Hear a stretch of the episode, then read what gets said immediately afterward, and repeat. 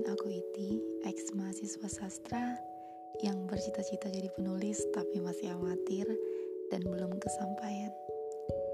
Yang hanya bisa menuliskan isi kepala di atas kertas kemudian menyuarakannya dalam podcast mengenai cinta, hidup, kehilangan dan apa pun yang menggelisahkan kepala yang bisa kita sebut bittersweet story. Aku harap kita bisa bercengkrama dengan baik. Dariku. Itu Jonas.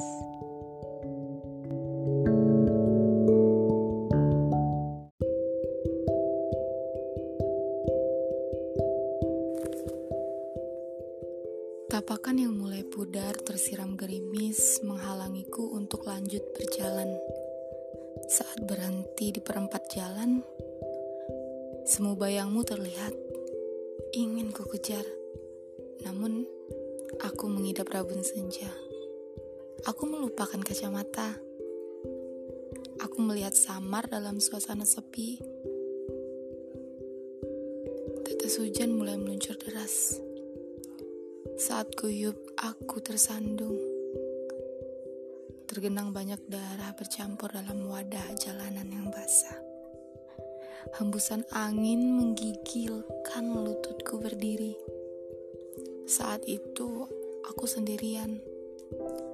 Ranting melepaskan diri dari pohon, melompat mengenai kepalaku yang mulai berat.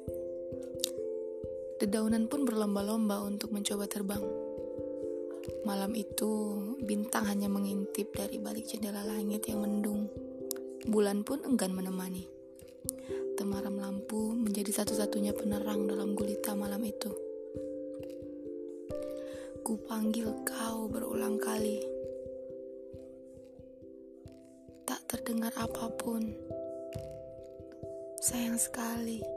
Biasanya telingamu begitu panjang hingga mampu menjadi tameng dalam ketakutanku.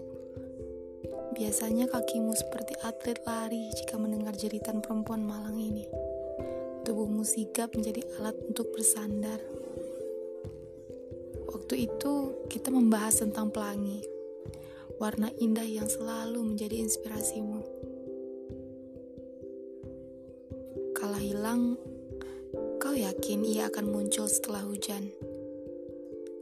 Ketika lelah kau bersandar pada malam, menimbang antara mentari dan bulan, namun kau selalu bergumam pelangi pasti lebih indah jika tibanya malam. Ketika semua mustahil, kau membuat pelangi malammu dalam mataku. Bahkan ketika gelap, aku mampu melihat warna-warna pelangi itu hadiah paling indah yang pernah aku lihat. Kau kemas begitu apik dalam ingatanku. Lain waktu, kau membahas lagi mengenai mendung. Kau ingin jadi awan agar mampu melindungiku dari terpaan matahari yang mulai menghanguskan sel-sel kulitku. Kau menulis aksaramu dalam awan, katamu. Aku hanya perlu membaca mendung dan menunggu hujan turun. Begitulah isyarat ketika aku dilanda rindu. Kunikmati mendung serta sepoi angin dalam nantian hujan. Aku tak mengerti awalnya tujuanmu. Tapi kini sudah kucermati. Kau memang ingin beranjak pergi. Begitulah kau berkata ingin menjadi mendung. Karena ketika hujan selesai bekerja, mendung pun hilang.